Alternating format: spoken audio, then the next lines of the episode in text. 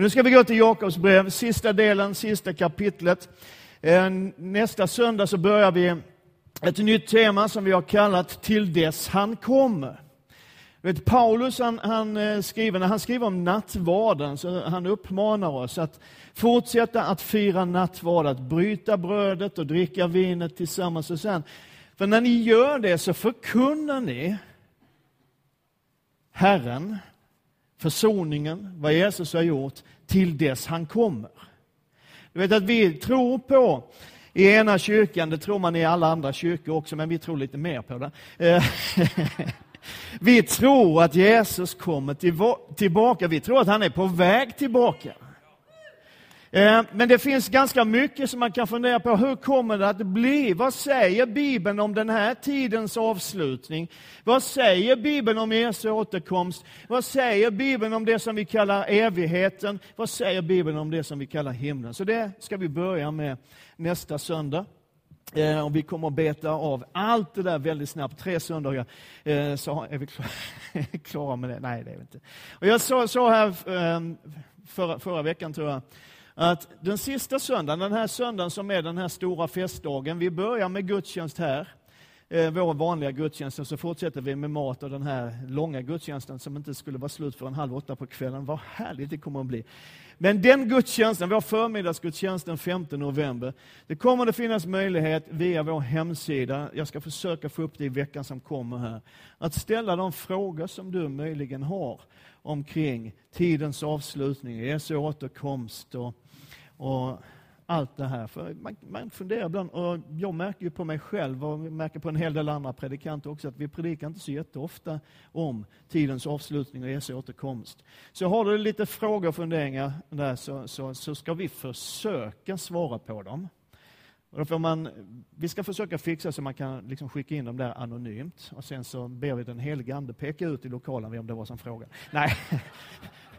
Nej, det ska vi inte göra. Utan nu ska vi gå till Jakobs brev. Sista kapitlet, det femte i Jakobs brev, består av tre delar. Den första biten där hör samman med slutet av kapitel 4, som handlar om varningar till de rika. Det betyder att det är varningar till dig.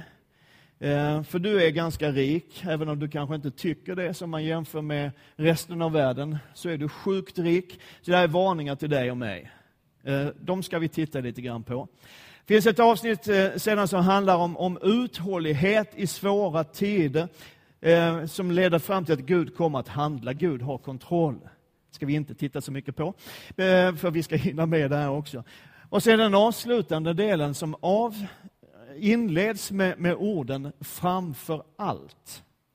Och det måste ju vara något som Jakob tyckte var viktigt eh, i det brevet när han skriver så. Så det ska vi också titta på.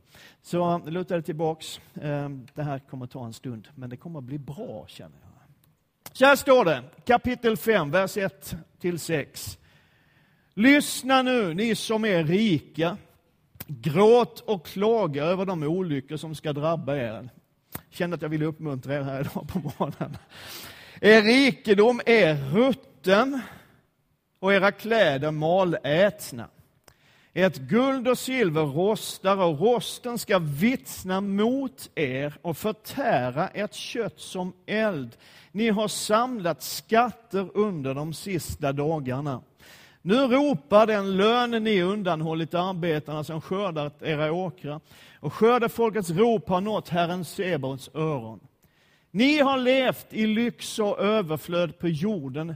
Ni har gött era hjärtan på slaktdagen. Ni har dömt den rättfärdige och dödat honom, och han gjorde inget motstånd mot er.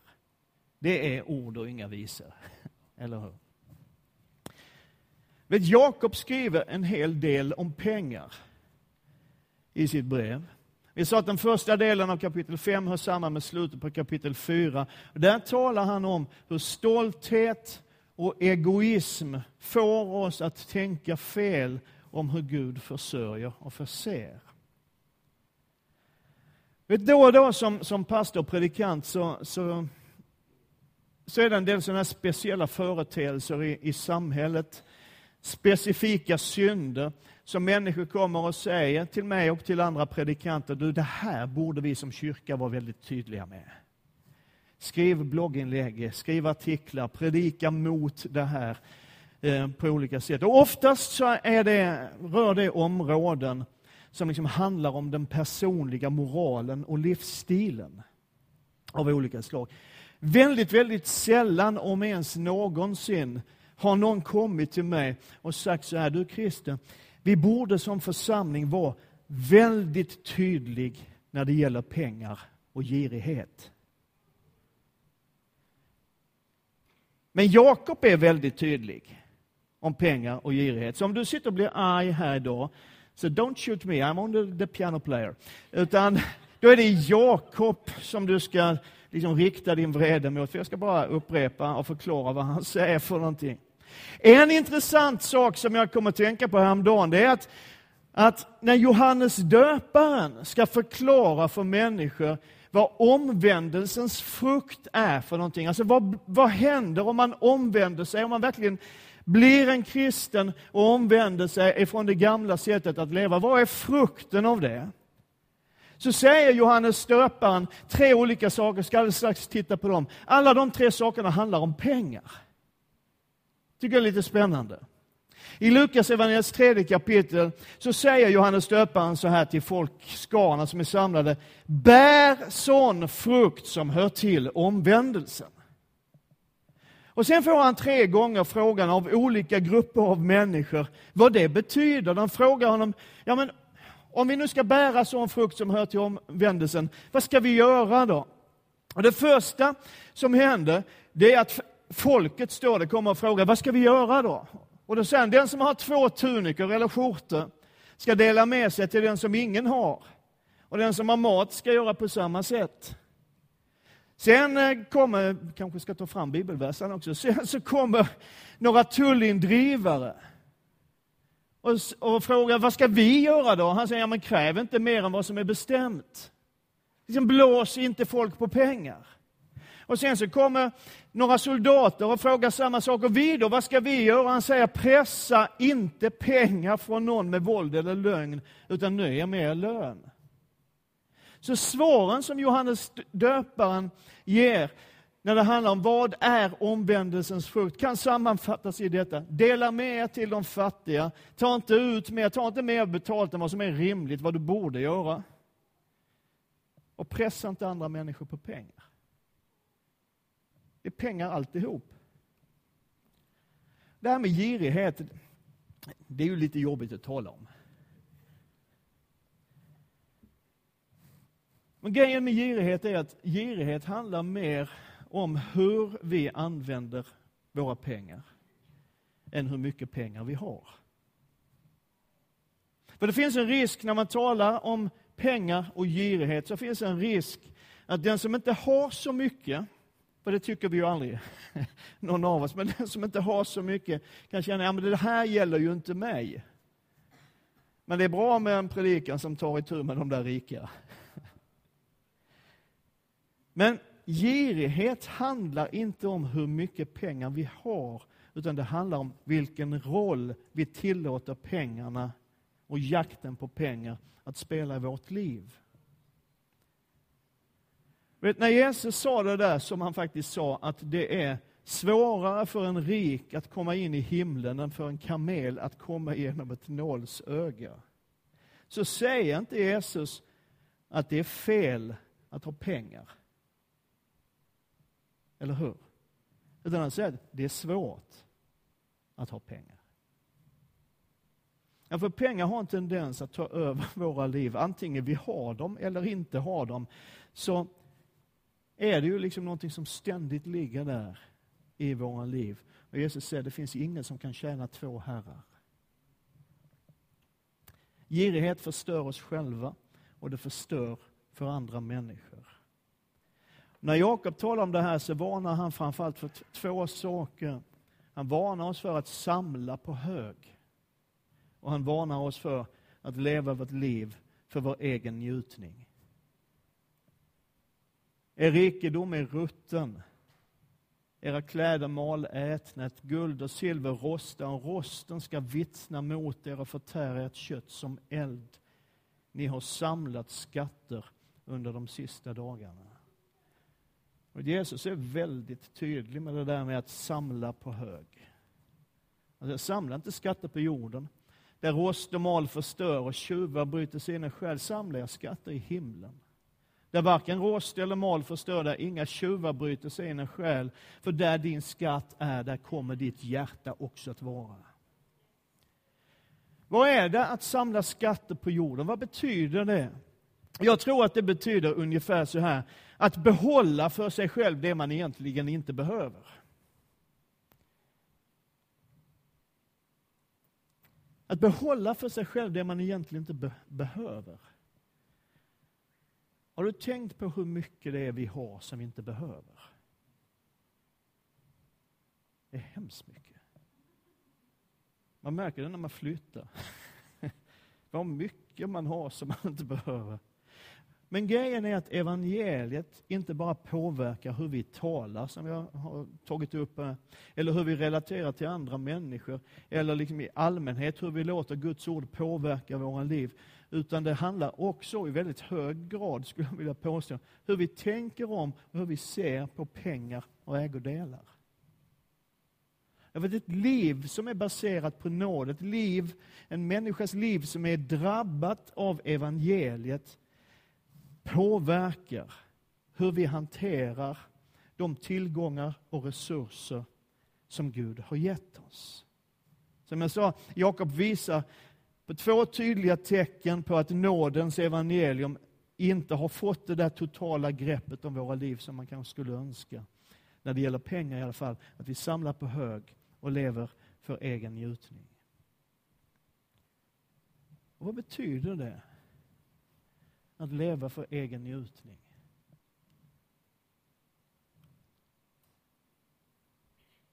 Kanske är det när det blir viktigare för mig att jag har det bra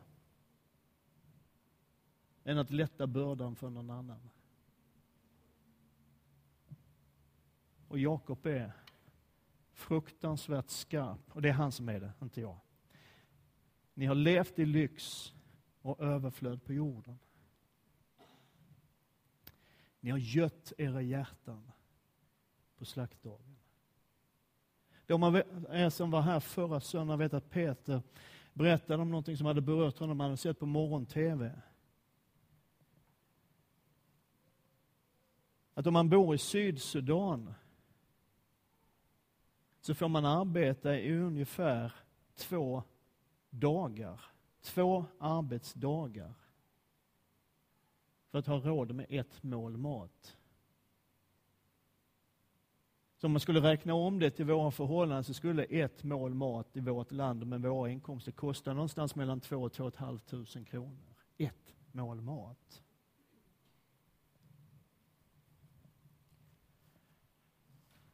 Vad är tecknet på att vi lever för egen njutning? Någonstans så blir det när det får kosta vad som helst för att göra våra egna liv lättare, enklare och behagligare.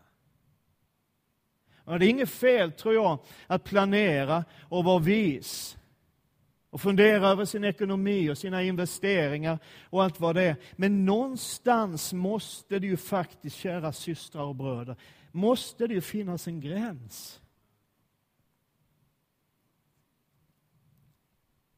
Och den gränsen är nådd när vi slutar tro på att Gud tar hand om oss. Och att det är han som är vår försörjare. Så att vi desperat måste hålla fast vid varenda krona och varenda liten grej som vi äger och har. Då har vi passerat den gränsen.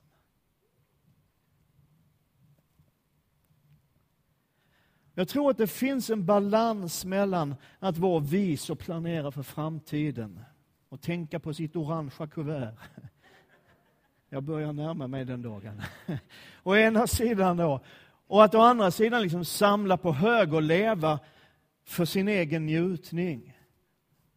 Jag tror att balansen är det som Jakob talar om i det andra kapitlet som vi var inne på för några veckor sedan.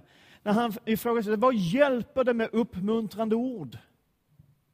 Vet du, om någon knackar på din dörr för att få hjälp och du säger, det här var jobbigt att höra, jag hoppas att någon hjälper dig.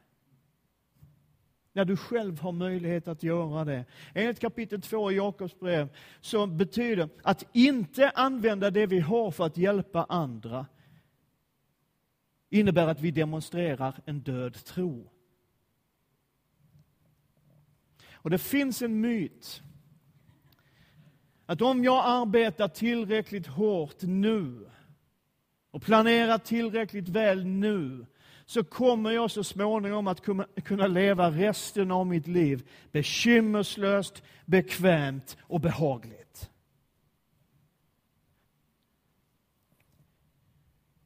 Och det är någonting sjukt. Om målet för ditt och mitt liv som kristna, som älskar Jesus, som vill se den här världen förvandlad av Guds kraft, det är någonting sjukt med oss ifall bekymmerslöst, bekvämt och behagligt är målet för, vår, för våra liv. Om det är målet för all vår strävan. Och Jakob går ännu längre. Han säger i den sjätte versen i kapitel 5 att er njutningslystnad har dömt och dödat. Vad menar han med det? Jag tror han menar att när vi lever för oss själva, när vi samlar på hög, när bekymmerslöst, bekvämt och behagligt blir målet för vårt liv, samtidigt som stora delar av världen lider nöd, så hamnar åtminstone en del av dessa människors blod på våra händer. Jag tror det är så. Och Gud ska veta att jag har försökt komma undan den här texten de här dagarna. Jag hade nästan bestämt mig för att bara predika den sista delen. Men Gud lägger det här på mitt hjärta. Och du vet vad jag brukar säga, jag predikar för mig själv idag. Och du får gärna lyssna om du vill. Jag tror det finns två diken i kristenheten angående pengar. Det ena är framgångsteologi. Gud vill ge dig hur mycket som helst, så du kan liksom ha din Rolex-klocka, du kan köra den finaste bilen, du kan ha det största huset och alltihop det där.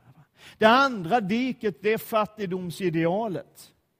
Och jag tror att båda de här två dikeskörningarna är livsfarliga för, en sund, för ett sunt kristet liv. Och grejen är, det finns ju de liksom som menar ja men fattigdom det är, det, det är idealet, vi ska inte äga någonting alls, vi ska inte ha någonting.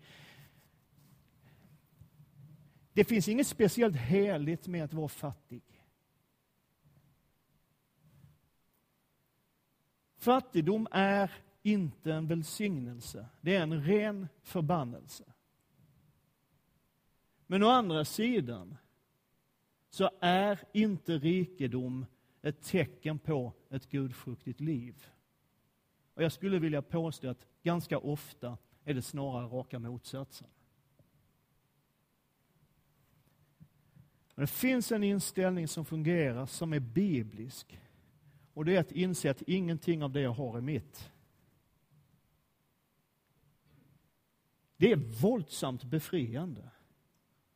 Ingenting av det jag har, ingenting av det jag kallar mitt, är mitt. För om det var mitt så skulle jag kunna ta det med mig den dagen jag går vidare. Men det kan vi inte. En av de rikaste personerna som har levt på den här jorden, John D. Rockefeller. Han blev den första oljemiljardären. Och omräknat till dagens penningvärde finns det någon som säger att han var god för drygt 300 miljarder dollar. Det är mer än vad jag har på mig just nu i alla fall. När han dog 1937 så fick hans revisor, alltså hans ekonomiansvar, fick frågan då, hur mycket lämnade John D efter sig? Och revisorn svarade, alltihop.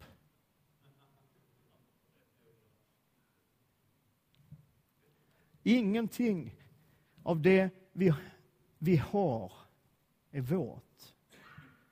Utan Bibeln säger att allt tillhör Herren. Allt tillhör Herren. Pastorn och författaren Randy Alcorn skrivit en bok som heter The Treasure Principle, alltså skattens principer. Jag rekommenderar den av hela mitt hjärta. Han berättar en story, en påhittad story, men dock en story om Fedex-killarna. Alltså, du vet Fedex, de här som levererar paket kors och tvärs över jorden. Eh, om det inte är Fedex du brukar använda, det kan vara en DHL-kille, eller det kan vara en UPS-kille, det kan vara Postnord. Nej, det kan inte vara Postnord förresten. Fel av mig. Det är ingen som använder Postnord för att skicka paket. Det, självklart. Men han berättar om den här killen liksom, som, som kör Fedex-paketen. Tänk dig, tänk dig inför jul och du bor någonstans och resten av dina släkter och vänner bor på andra ställen. Så du har köpt på dig massvis med julklappar och så ringer du till Fedex och säger nu har jag en hög med grejer här som måste ut till mina släktingar och barn och barnbarn och barnbarnsbarn och, och alla de här. Så nu får ni komma och hämta dem. Så kommer Fedex-killen och hämtar upp alla de här paketen hemma hos dig. Och sen när julen kommer och den passerar och sådär och du tänker det är ingen som har ringt och tackat för de här paketen och så upptäcker du att de där grejerna, de tog Fedex-killen med sig hem och behöll dem hemma. Och du frågar liksom varför gör du så här? Jag säger, jag fick ju dem av dig.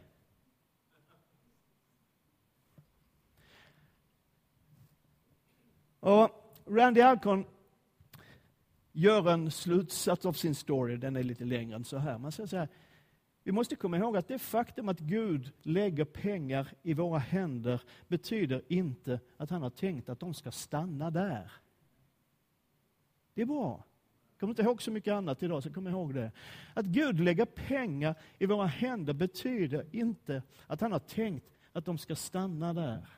Han säger en sak till, vi tar den också. Han säger så här, och det här kan du tugga på så mycket du vill, för det här är så bra. Gud välsignar inte dig för att du ska få mer. Han välsignar dig för att du ska ge mer. Och nu lämnar vi det avsnittet. Vi kommer till, till, till ett avsnitt som inleds med de här orden, framför allt. Och Det måste ju betyda att det som kommer nu är superviktigt. Det här är det viktigaste. Alltså Jakob har redan talat om att ta hand om änkor och föräldralösa. Han har talat om att hjälpa de fattiga. Han har talat om din och min själviskhet. Han har talat om för oss att vi kan inte bara höra Guds ord, vi måste göra Guds ord. Det är en sak att säga halleluja, men att göra det är svårare. Ehm, tro utan gärningar är död, har han pratat om. Det var inte Jakob som sa det om att säga halleluja och göra det, utan det var Flexnes, tror jag. Men det är en annan, annan story. Han har talat om hur vi borde planera för vår tid. Han talar om hur vi bör använda våra pengar, hur vi talar till varandra, hur inbördes strider kan ödelägga det Gud. Han har tagit upp superviktiga ämnen i fyra och ett halvt kapitel. Eller, ja, typ. Stora saker, viktiga saker. Och så kommer han fram till, det här är det allra viktigaste. Vad är det han säger då? Vad är det som är själva huvudbudskapet i vad Jakob säger? Han säger så här, framförallt mina bröder och sys systrar. Jag brukar inkludera dem också. Svär ingen ed, varken vid himlen eller vid jorden eller vid något annat. Låt ert ja vara ja och ett nej vara nej så drabbas ni inte av domen. Låt ett ja vara ja och ett nej vara nej. Är det det viktigaste? Alla dessa kapitel.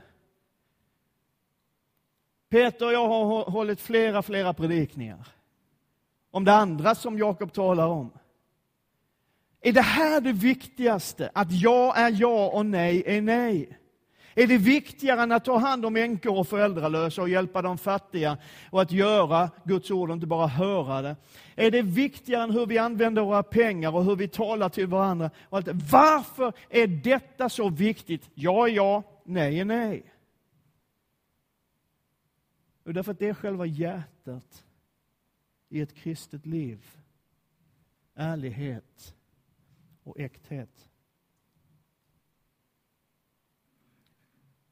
Och när jag har läst det här och förberett mig för den här sena predikan, så har jag funderat på vad är anledningen till att vi inte alltid är så ärliga? Varför säger vi ibland ja när vi menar nej? Och varför säger vi nej när vi menar ja? Varför säger vi att det är bra när det inte alls är bra? Eller för att spetsa till det lite grann. Varför ljuger vi för varandra? Ett ursprungssynden i Eden, i lustgården där Gud placerade människorna. Den första synden handlade om att ifrågasätta vad Gud har sagt. Eller hur? Skulle Gud ha sagt. Så ursprungssynden, enligt Guds ord, det är otro, att inte tro vad Gud har sagt. Och här är en grej som är viktig för oss. Varje frestelse till synd som vi är utsatta för ständigt egentligen. Varje frestelse till synd är någonstans ett ifrågasättande av evangeliet. Evangeliet som säger allt jag behöver finns i Kristus. Men varje frestelse ifrågasätter den sanningen. Eller hur? Ja, jag har allt vad jag behöver i Kristus, men det här skulle vara lite mysigt också. Allt finns i Kristus, men det där är svårt att släppa. Varje frestelse till synd är ett ifrågasättande av evangeliet. Därför frestelserna som du och jag möter handlar om att vi på något sätt vill säkerställa för oss själva, just där och just då, någonting som jag tror mig behöva för att vara eller bli lyckligare. Är du med mig? Alltså varför faller du och jag då och då för synd? Gör det vi inte vill, som Paulus säger. Fast det vi vill, det gör vi inte. Jo, vi gör det därför att vi just där och då inbillar oss att det finns någonting annat än Jesus som jag behöver. För att känna mig lycklig, för att känna mig lugn, för att känna mig trygg, för att känna mig tillfredsställd. Det är någonting som jag tycker mig sakna, men som jag skulle kunna få om jag bara. Men evangeliet säger att vi har allt i Kristus. Evangeliet säger att vi är accepterade, att vi är utvalda i honom, att vi är älskade. Så igen då, varför ljuger vi ibland? Varför låtsas vi? Varför är inte vårt ja ett ja och ett nej ett nej? Jag tror att vi ljuger för att vi tror att vi inte duger. Och det måste rimma i tolkningen också. Eh, vi ljuger och låtsas för att vi vill inte att människor ska se vem vi verkligen är. Så mycket i våra liv drivs av rädsla. Vi tror att om människor visste så skulle de ta avstånd från oss. Om människor visste vad jag brottas med, om människor visste vad du brottas med, vad dina frestelser är, vad dina svagheter är. Men om folk visste, de, de skulle aldrig de skulle aldrig vilja vara med mig. Och så drivs vi av rädsla och känner att vi behöver ju andra människors godkännande och bekräftelse för att livet ska vara okej. Okay. Och en av de största och farligaste myterna och missuppfattningar om ett kristet liv är detta att evangeliet handlar om att göra dåliga människor till bättre människor. Vi har fått för oss det. Budskapet som Jesus kom med, evangeliet som vi predikar, det handlar om att dåliga människor kan bli lite bättre människor. Men då skulle kristendomen vara någon sorts narcissistiskt självhjälpsprogram som går ut på att du och jag ska bli bättre människor. Det är inte vad evangeliet handlar om. Men eftersom vi tror ibland att det är det som är målet så försöker vi låtsas som om vi har blivit bättre människor.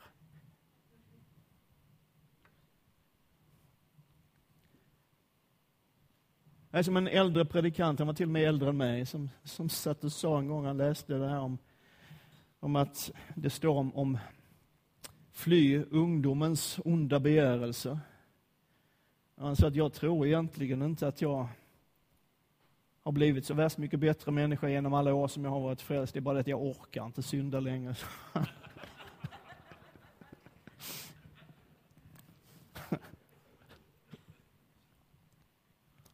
Men vet, eftersom du och jag tror att själva målet för dig och mig är att vi ska bli bättre människor, så försöker vi låtsas som vi har blivit bättre människor och så bygger vi våra masker. För innerst inne så vet både du och jag att vi har inte blivit så värst mycket bättre människor. Eller hur? Evangeliet handlar inte om att du och jag ska bli bättre.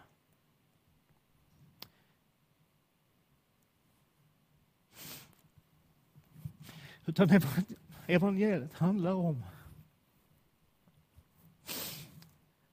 att Jesus Kristus var fullkomlig i vårt ställe.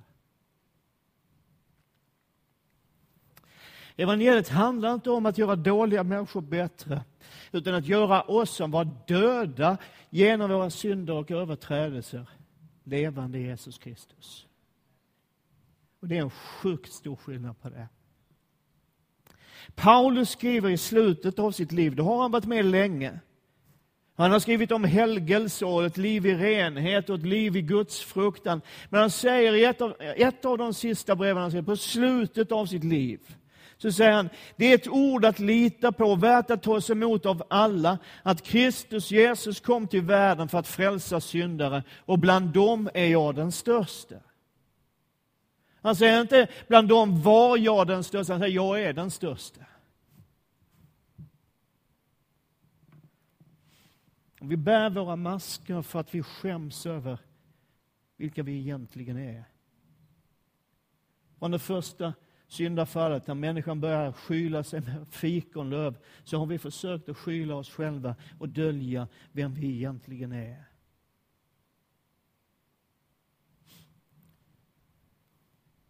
Jag ska avslöja någonting för dig.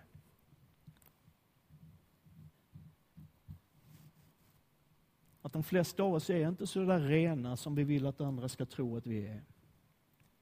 Vi är inte så heliga, så framgångsrika, så lyckade, så starka, så trevliga och vänliga som vi försöker få andra att tro att vi är. Och innerst inne så vet vi att allt inte är som vi vill att folk ska tro att det är. Och det var därför Jesus kom.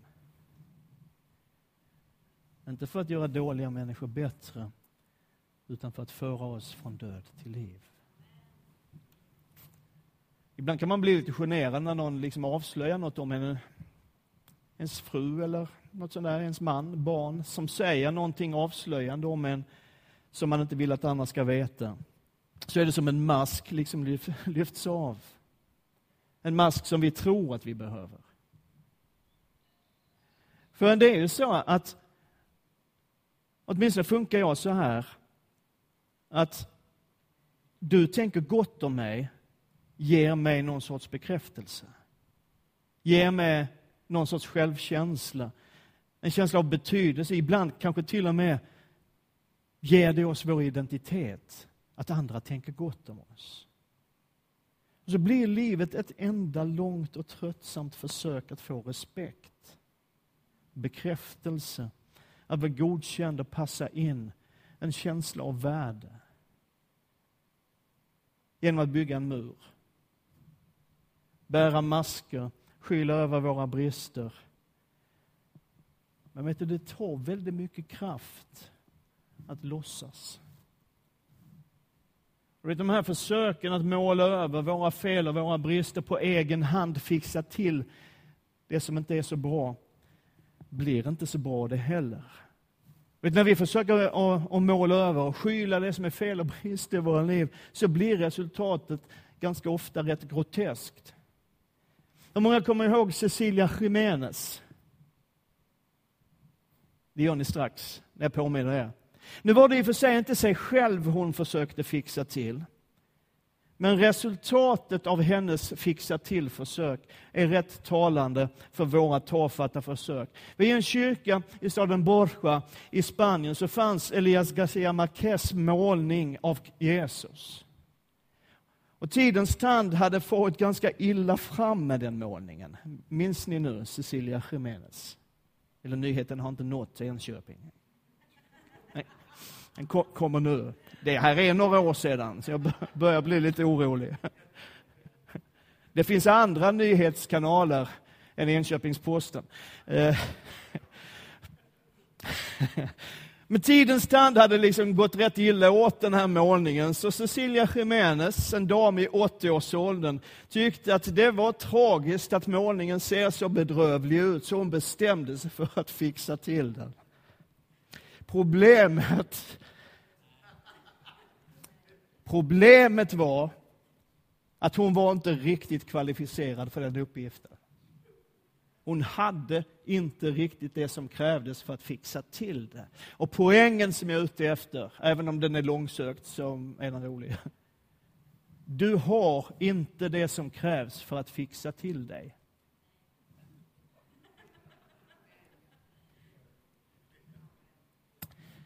Och om du försöker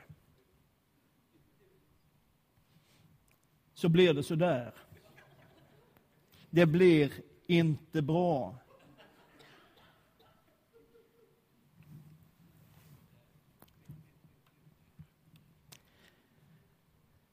Jag har sagt det här många gånger förut och jag kommer att säga det många gånger igen och igen, för jag tror att det här är en av de viktigaste uppenbarelser man kan få i sitt liv. Och tänk om vi kunde lära oss detta. Att det är bättre att vara ärligt kass än fejkat lyckad. Det är bättre att vara ärligt kass än fejkat lyckad. Tänk om jag kunde lära mig det, det är jag som har hittat på det där. Tänk om jag kunde lära mig det där. Tänk om vi kunde lära oss att det är faktiskt i Guds rike, det är okej okay att inte vara okej. Okay.